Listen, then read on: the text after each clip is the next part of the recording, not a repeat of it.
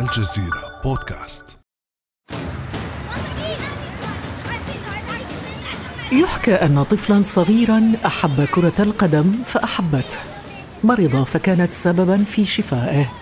ولما اشتد عوده رافقته ليدخل التاريخ من بابه الكبير وأسالت أهدافه الخرافية من الحبر الكثير الكثير. خطف قلوب الجماهير واحتار في وصفه كبار المحللين وأشهر المعلقين.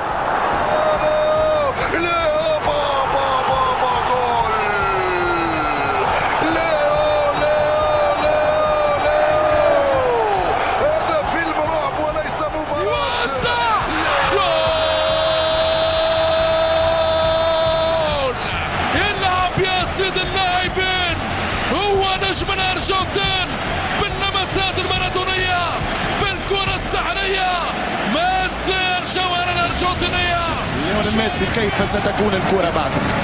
ميسي سنفتقده وسيبكي عنه العشب في كل ملاعب أوروبا. نعم إنك ملك الكورة وإنك الأسطورة يا ليونيل. كيف ستكون الكرة بعدك يا ميسي؟ كما قال الزميل عصام الشوالي. عالم الساحر المستدير بعد ليونيل ميسي لن يكون كما كان قبله. سيكتب مؤرخو كرة القدم عما قبل وما بعد ميسي. فبعد جدل قانوني استمر لأيام بسبب رغبة النجم الأرجنتيني الصادمة. في مغادرة نادي برشلونة فاجأ ميسي الجميع مجددا بإعلانه البقاء لموسم آخر على مضض حسب قوله. وبينما تنفس عشاق البارسا والرياضة حول العالم الصعداء أصيبت الأندية الساعية إلى التعاقد مع إحدى أساطير الساحرة المستديرة على مر التاريخ أصيبوا بخيبة أمل. لماذا اضطر ميسي للعدول عن قراره؟ وهل تنهي عودة اللاعب رقم عشرة في برشلونة الأزمة بين النادي وقائده؟ وأي مستقبل للاعب الأسطوري ميسي بعد هذه الأزمة؟ بعد أمس من الجزيرة بودكاست أنا خديجة بن جنة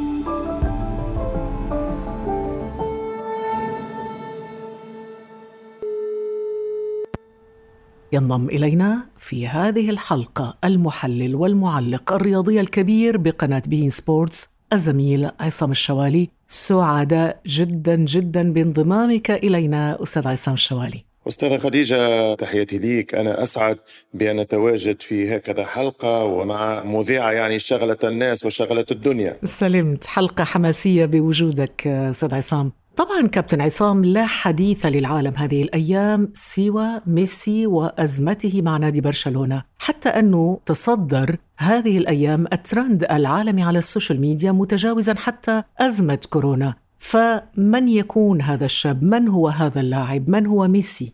ميسي هو رمز ميسي هو leader ميسي هو كاريزما ميسي هو نموذج لقصة نجاح. هي تجربة ثرية تدرس البداية صعبة ولكن ديما كما نقول أنا في التعليق العبرة بالخواتيم ميسي الولد الذي كان مريض في الصغر الولد الذي كان مهدد بفقدان حاسة مهمة جدا. المشي جعل منه القدر وكتب له أن يكون أحد الأساطير التي سيخلدها البشر. البشر. فميسي شغل الدنيا في وقت صعب في وقت حرج على الوضع الاقتصادي الصحي اللي يهدد العالم. ولكن خبر خروج ميسي من برشلونة أوقف الدنيا. طب كيف بدأت قصة ميسي كابتن عصام مع نادي برشلونة؟ القصة كما تعلمين جيدا أنه ميسي بدأ في 12 13 سنة بسبب ظرف صحي. كانت عنده مشاكل في النمو على مستوى العظام ورغم أنه العائلة لم تكن يعني ميسورة فنلقاو الحل أنه يمشيوا لإسبانيا وبرشلونة. وفي برشلونة عولج وثم شوف المفارقة نتاع الدنيا والحياة هما عالجوه وهو عالجهم. لأنه أنا في اعتقادي فضل ميسي على برشلونة أكبر من الأمور الصحية الصحية بيد الله ولكن هو ميسي جعل من برشلونة الوجهة الأولى على مستوى السياحة. ملايين ملايين الناس زاروا برشلونة فقط ليشاهدوا المدينة اللي يلعب فيها ليونيل ميسي. تاثيره الاقتصادي تاثيره السوسيولوجي في مجتمع كتالونيا مهم جدا. أنا أعتبرها قصة زواج كاتولوني كاثوليكي لا طلاق فيه بين ميسي وبرشلونة. لكن كيف تحول هذا الطفل الذي كان يعاني كل هذه المشاكل الصحية إلى أفضل لاعب في العالم؟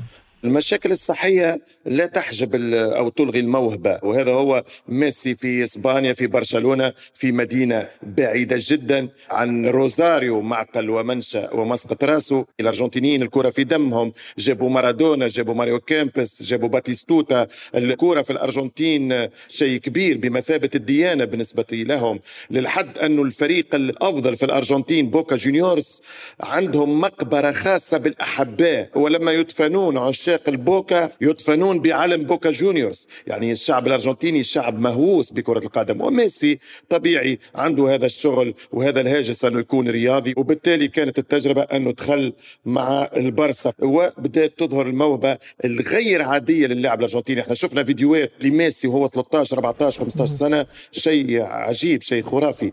لكن لو نذكر خلال العشرين سنة هذه ماذا حصل من تتويجات وألقاب وانتصارات؟ طبعا إحنا باش نحط الأمور في سياقها باش نعرف أنه نادي برشلونة ما قبل ميسي وما بعد ميسي. برشلونة نادي عريق جدا فريق تأسس في 1899 يعني متأسس حتى قبل النفوذ العاصمي للميرينجي ريال مدريد. البرسا كان مختص أكثر في الكؤوس المحلية. الدوريات كان عنده 10 11 لقب لما جاء ليونيل ميسي كان يبقى سنوات صايم على التتويجات يعني في عهد يوان كرويف ربح البطولة عام 74 اللقب الموالي كان في عام 85 مع المدرب تيري فينابلس وبالتالي فريق ليس مستمر في نتائجه. بقدوم ليونيل ميسي من 2004 البرسا تغير شكله وتغيرت نوعيته. صار مفترس للألقاب. ليونيل ميسي أكثر من 30 بطولة مع الكتالوني ليونيل ميسي ست مرات Ballon d'Or أفضل لاعب في العالم. ليونيل ميسي أكثر من 600 هدف. كلها روائع وكلها جواهر حقيقة تابلوهات يعني فنية كأنه artiste و يرسم أو نحات ينحت الأهداف عمل بعد اقتصادي marketing كبير برشا لبرشلونة المدينة وبرشلونة الفريق. برشلونة قلت لك ملايين الناس. أنا شخصيا مع عائلتي أول مرة زرت برشلونة باش نوريهم ميسي وين يلعب ميسي وين يتحرك ميسي المتحف اللي فيه صور ميسي. وفعلت؟ وفعلت وهذه كانت مردودية اقتصادية. حضرت وعلقت على الكلاسيكو مع الجزيرة الرياضية وبين سبورتس أكثر من مرة. ما تصورش أستاذة خديجة المئات من الجاليات العربية والمغربية اللي يجيب الذمة بالبرشلونة والكلاسيكو. وهذا la fame تاع ميسي ال fenomeno ميسي أعتقد. وفي ناس تيجي لي تتابع تعليق عصام شوالي. يعني أنا واحدة من الناس اللي أتسمر أنا وأولادي أمام الشاشة. لما يكون عصام الشوالي هو المعلق على مباراة. كابتن عصام كل من يعتاد على النجاح بالتأكيد صعب عليه إن, أن يتقبل الهزيمة. ربما إعلان ميسي عن رغبته في مغادرة نادي برشلونة جاء بعد حوالي أسبوعين من الخسارة اللي وصفت بأنها كانت خسارة مذلة لنادي برشلونة أمام بايرن ميونخ في ربع نهائي دوري أبطال أوروبا. هل فعلا برأيك كانت هذه الهزيمة هي السبب؟ هي أكيد من الأسباب الرئيسية على المستوى المعنوي وعلى المستوى البسيكولوجي. ميسي انهار. ميسي يرى نفسه أنه برشلونة وأن برشلونة هي هو هي ميسي.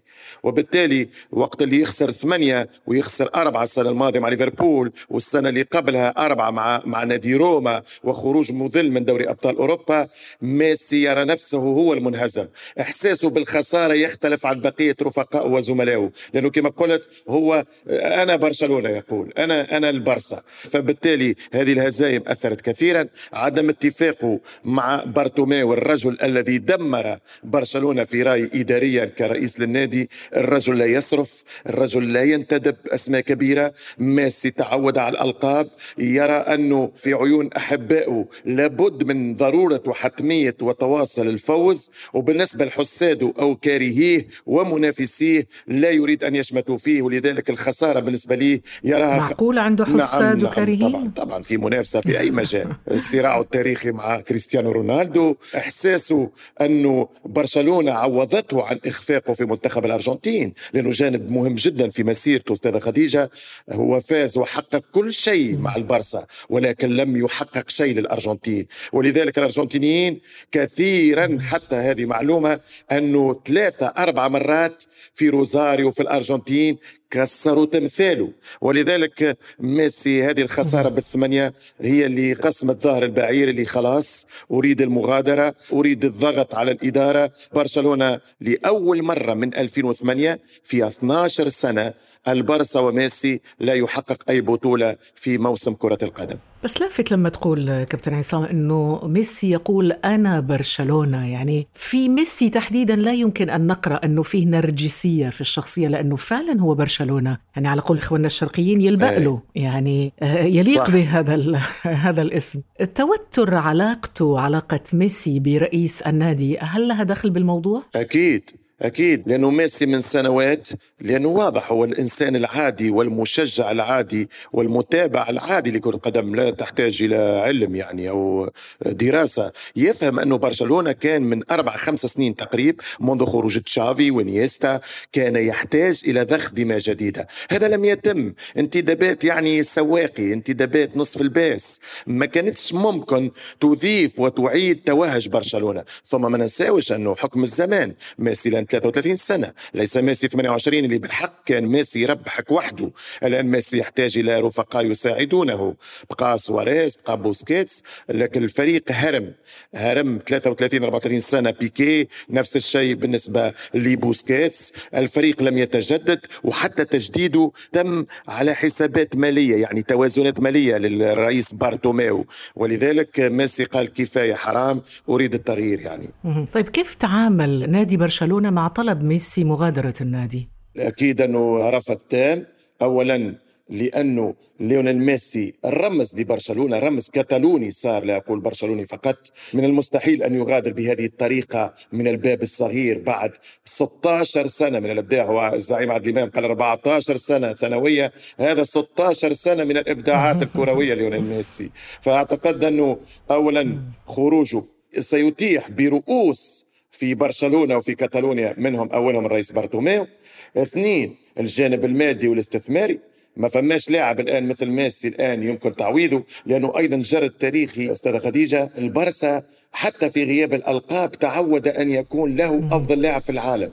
هذه هذه استراتيجية نادي من 50 60 سنة. لعب معاهم يوهان كرويف لعب معاهم مارادونا جابوا ريفالدو رونالدينو. فالبرسا كان دائما يريد انه أفضل لاعب في العالم يكون في نادي برشلونة. أسباب أيضا عندها تداخلات سياسية لأنه كتالونيا لازم تكون في الصورة والاستقلال عن إسبانيا وكذا. السياسة داخلة في كل شيء. لا لا في كل شيء. الكرة سياسة. فبالتالي سياسة آه، البارسا أنه تحتفظ بميسي لكي لا تتحطم الإدارة لكي لا يغادر ميسي من الباب الصغير. جانب المادي مهم جدا. الاتحاد الإسباني على طول لما اشتعلت نيران الأزمة عمل بلاغ قال ميسي لا يمكنه المغادرة لبرشلونة لأنه في بند تسريحي فيه 700 مليون يورو للي يحب ياخذ ميسي. وطبعا ولا فريق في العالم مستعد أنه يدفع 700 مليون يورو لبرشلونة بخلاف فلوس ميسي. يعني هي عملية عملية انتحارية على المستوى الاقتصادي يعني مستحيل.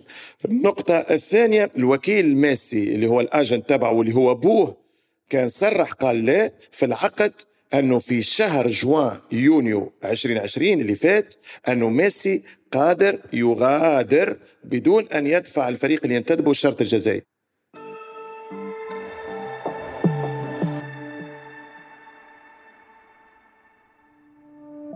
ابدأ بالاستماع الآن ولا تنسى تفعيل زر الاشتراك الموجود في تطبيقك. لتصلك حلقاتنا اليومية فور صدورها. ابقى على تواصل مستمر مع الجزيرة بودكاست عبر صفحاتنا على فيسبوك، تويتر وإنستغرام.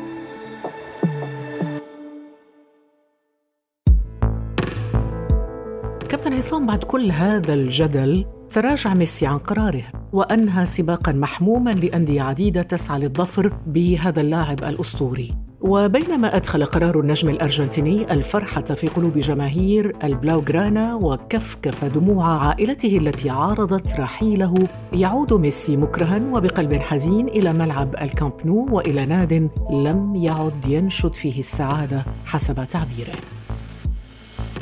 كابتن عصام الشوالي لماذا تراجع ميسي عن قراره هذا؟ تراجع ميسي عن قراره لأنه قرار لم يكن بيده. على مستوى الشرط الجزائي 700 مليون يورو ولا واحد قادر يدفع هذا الأمر. اثنين الدليل أنه ميسي مكره أخاك لا بطل أنه سيواصل المسيرة لنهاية العقد أنه ميسي السنة الجاي يروح بلوشي مجانا أينما يريد وأينما يشاء.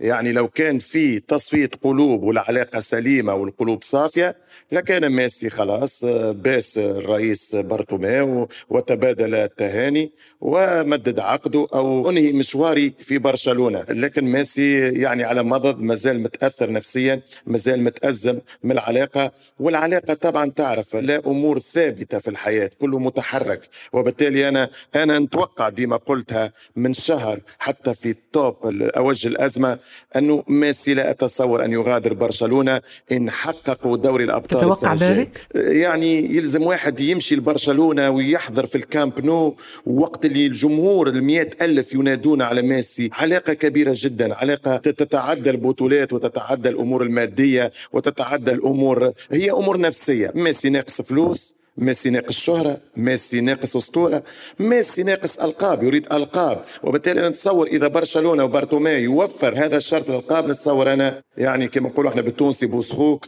وسيفرحون في الصيف القادمة وسيبقى ميسي لأنه مع أول هدف ومراوغة وإبداع من ليونيل ميسي الكتالوني وكتالونيا كلها سترجع لتغني الأغنية الشهيرة ليو ليو ليه ليه ولكن ربما سيتأجل أو تتأجل هذه الأغنية حتى تحسم المعركة أليس كذلك؟ أكيد. انه الآن نشوف أنا ميسي الآن هو في وضع قوة في الصراع بين الرئاسة والإدارة واللاعب. الجمهور انحاز إلى ليونيل ميسي. الرئيس يتغير ولكن ميسي لا يتغير. وبالتالي مرة أخرى اللي يصنع الفرجة واللي يصنع الفلوس في الكورة واللي يصنع زعامة الأندية هم اللاعبين. اللاعبين من بيلي لمارادونا لزيكو لبلاتيني لرومينيغي والآن إلى ليونيل ميسي. لكن مهم أن يبقى هو فرحان يعني مش أنه مضغوط عليه. حتى المدرب الجديد كومان قال إنه لا يريد أن يكون هناك لاعب غير سعيد في فريقه. ميسي بطبيعته هو تعرف على الطابع الإنساني لا يبتسم timide سكوتي صحيح. ما يتكلمش ما يضحكش ما يعبرش عن الفرحة. يعني ستشاهدون ميسي نفس الشيء. ولكن أكيد أداؤه وأهدافه ستعود. أكيد. أعتقد أنه لن تطول الفترة الصعبة. من مصلحة ميسي أول شيء لأنه ميسي يلعب على تاريخه لأنه ميسي يلزم على طول يرجع يركز على الميدان ويكمل التسعة أشهر. لأنه ميسي يريد أن ينهي بالبطولات مع برشلونة ولا ينهيها مثل الثمانية ضد البايرن ميونشن أعتقد أن البرغوث أو La Pulga كما يقال على طول سيرجع للعمل وعلى طول سيرجع للتسجيل. صحيح يمكن شوية شوية وحبة حبة لكن أعتقد أن لا مفر له إلا استعادة مستواه. حتى أن يخرج من الباب الكبير في برشلونة. ما نتصورش ميسي يقبل أنه يجي يوم التسعين ألف في كتالونيا يزفروا عليه أو على الطريقة الإسبانية المعروفة والجميلة جدا طريقة الاحتجاج لما الفريق ما يقدمش أداء طيب أستاذة خديجة أو مش راضين على رئيس النادي للانتدابات أو مش راضين على التحكيم ماذا يفعلون في الملعب الإسباني؟ يخرجوا مناديل بيضاء دليل الاحتجاج ويبدأوا يلوحوا بها في المدرجات. فبالتالي أعتقد أنه ميسي سيكون أنه كأنك اقتلته لو التسعين ألف في الكامب نو يلوحون له بالمناديل البيضاء. لا أعتقد ولا أتصور ذلك ولا أتمنى ذلك. طب يحملوا الرايات البيضاء على رئيس النادي أحسن. أكيد رفعت في وجهه أكثر من لافته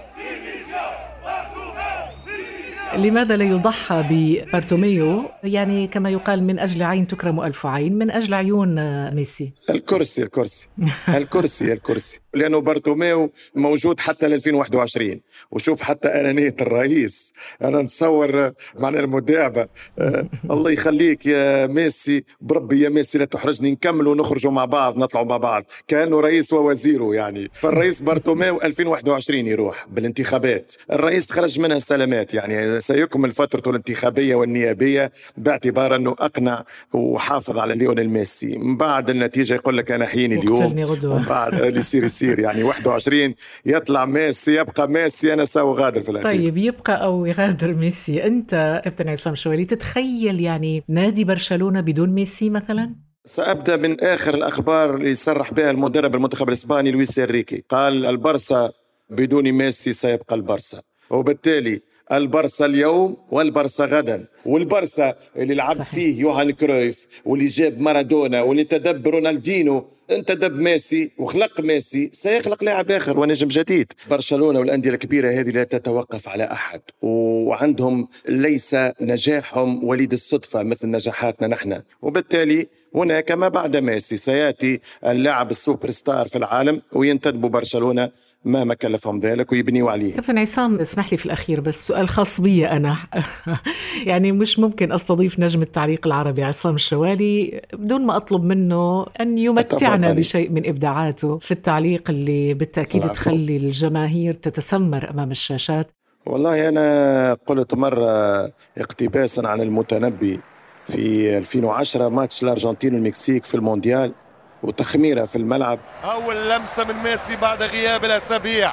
ترجع الكره لعب له. يعطي pass ليونيل. ميسي والرابع قلت أنا الذي اطربت مراوغاتي من به صمم. أنا ميسي عارض المتعة في عالم القدم. أنا ليو كبيرهم على صغري. أنا ليو في عالم القدم كلمه يا المتنبي كلمه يا أبا الطيب. كورة في الرابع من أروع ما يكون. كورة من أروع الفنون ميسي أثبت الزمان من عشر سنين. وأنا على فكرة ميسي رفيق درب على مستوى التعليق لأنه أول مرة شفته وعلقت عليه كان في سنة 2005 كان في مونديال الشباب في هولندا. قلت هذا سيكون فلتة من فلتات الزمن. هذا من الماضي. أما في الحاضر على الطاير سأقول لك بعد انجلاء هذه الأزمة ميسي يقرر البقاء في كاتالونيا. يقرر البقاء في بيته وقصره هنا في برشلونة. البرصة بدون ميسي لا تساوي شيء وميسي هو البرصة بحجمه بقيمته وتاريخه وألقابه. أنا ميسي أيوه على الطائرة لا ورق لا شيء. أنا ميسي الذي حققت ألقاب وسأحقق ألقاب. أنا ميسي الرجل الذي جعل من برشلونة حديث الدنيا وحديث القاصي والدالي جميل يعطيك الصحة. سعدت جدا بلقائك. يعطيك الصحة. أنا أسعد. كابتن عصام شوالي نجم التعليق العربي الذي أصبح نهجا. أنت أصبحت نهج ومدرسة في التعليق الرياضي. شكرا جزيلا لك. شكرا أستاذة خديجة. تحية ليك. إن شاء الله موفقة وإن شاء الله, الله دائمة التألق والنجاح. وتحية للسادة المستمعين في انتظار المشاهدين. إن شاء الله. شكرا جزيلا لك. كان هذا بعد أمس.